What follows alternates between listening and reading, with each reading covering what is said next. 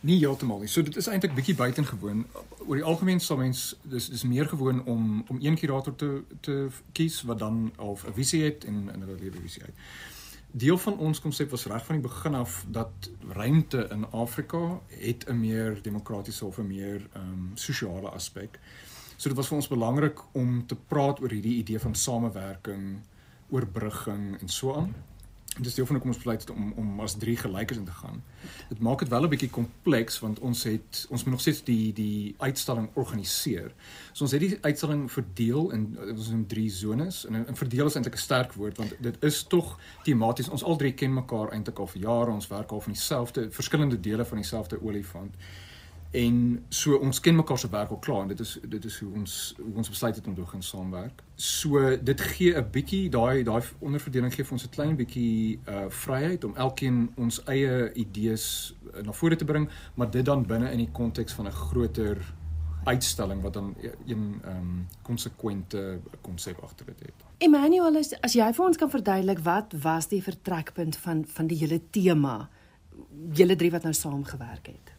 So the title of the of the pavilion was the structure of a people, and the idea that we used was the the Bokoni the Bokoni tribe. So the Bokoni tribe, it was a group of indigenous people that had settled in Mpumalanga province, and some of their ruins are located there today. Uh, there's actually um, Dr. Alex Schoeman from Wits University, an archaeologist that mm-hmm. she's published a book on the Bokoni tribe.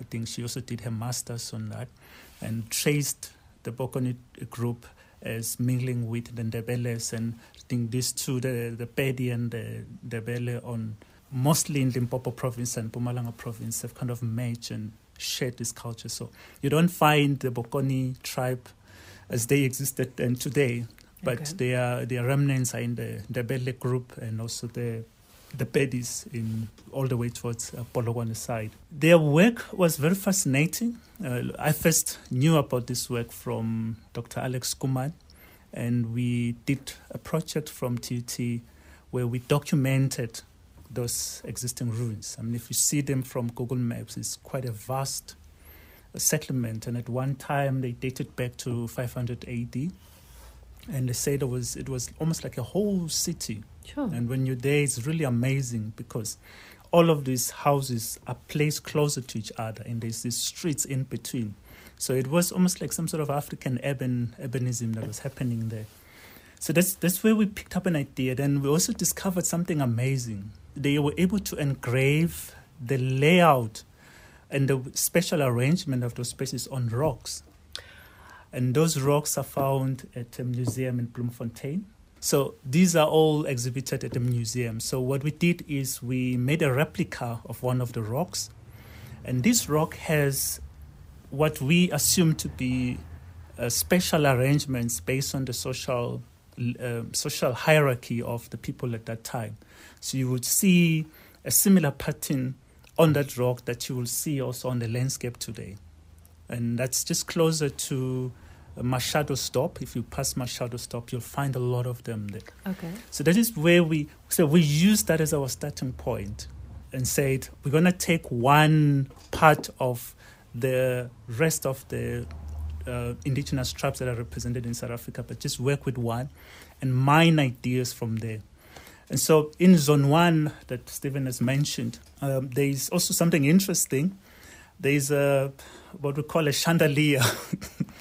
And it's made by a group of women from Lesotho that had never known each other before, but only came together just to weave this ring, which is about 3.6 in, in, in, in diameter.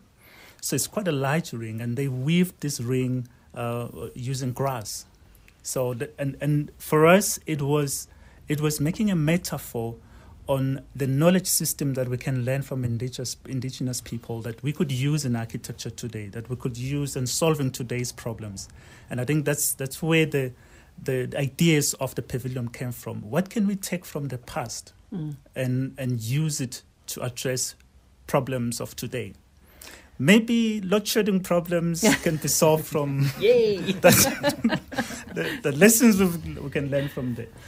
And another part of Zone 1 then was a work done by a photographer called Tisimaila. And he documents work uh, houses in indig- in in, uh, in rural areas and also life in rural areas. So his work is is focuses a lot in kind of bringing the dignity and the life of the people in the rural areas. And it showcases three images. It's, it's, it has three images of different mud houses. One of them is for the Bokoni. It's actually a Bokoni cultural village that's located just closer to Polokwane city in Limpopo province. Then the other one is a representation of this house in the Eastern Cape, right by the beach. So you have these mud houses sitting with the with the ocean right behind you. So it's like a beach house made of mud. then the other one is on typical landscape that you find in Eastern Cape, in KwaZulu Natal, in Mpumalanga. This this house sitting on the landscape with a forest at the back. This beautiful landscape where, it, where it's set up. Then next to it is a model that then explores lessons that we could learn from those rural houses. And it's and, and that model is a contrast to the photographs because we usually think that African architecture is just about the mud houses and the thatched Mm. roofs and, and that is African architecture. But what we try to look at is to go a bit deeper. How did they arrange the spaces? Where is the kitchen? Where is the mother's house? Where is the parents' house, the boy's house? And why? And then find the meaning from those arrangements and how they relate to each other. So th- that that then we took that further. I think Stephen will elaborate how he even thought that we could use the same way of organization, how people organize themselves, and even talk about organizations. And in this particular um, exhibition, we, he he focused on universities, how universities are structured uh, together. Hierdie sone 1 waarvan Emmanuel nou praat, dis nou die drie bene waarvan jy praat. Dis reg. Ja, Goed. so dis een een deel. Dis die grootste deel en dit is die deel waarmee mens begin. So dit is half die inleiding aan die aan die uitstalling se geheel. So daai die idee van dit wat hy nou net ehm um, daar genoem het, jy weet aan die een kant het ons die die ruïnes wat in klip is. So ons kan ons kan sien hoe mense gelewe het want I mean hierdie hierdie samelewing is nou definitief nie meer daar nie. Dit Ja. is die 6de eeu tot so hier by die 14de 15de eeu. Maar hulle het hierdie hierdie agtergelaat. En dan ons hierdie hierdie idee van die grasring om te wys hoe daai uh die half organiese deel van daai kultuur van generasie na generasie aangegee is en nog steeds in hierdie in hierdie samelewing beoefen word. Mense het nog steeds daai selfde knope wat hulle maak so van generasie tot generasie deurgegee. So daar's verskillende maniere hoe ons die geskiedenis kan betree. Die een is deur die die fisiese wat agtergebly het en die ander een is eintlik deur te kyk na na ons ehm um, vandag se praktyke en Hmm. en deur hulle te probeer uh, terugwerk en kyk waar hulle vandaan gekom het.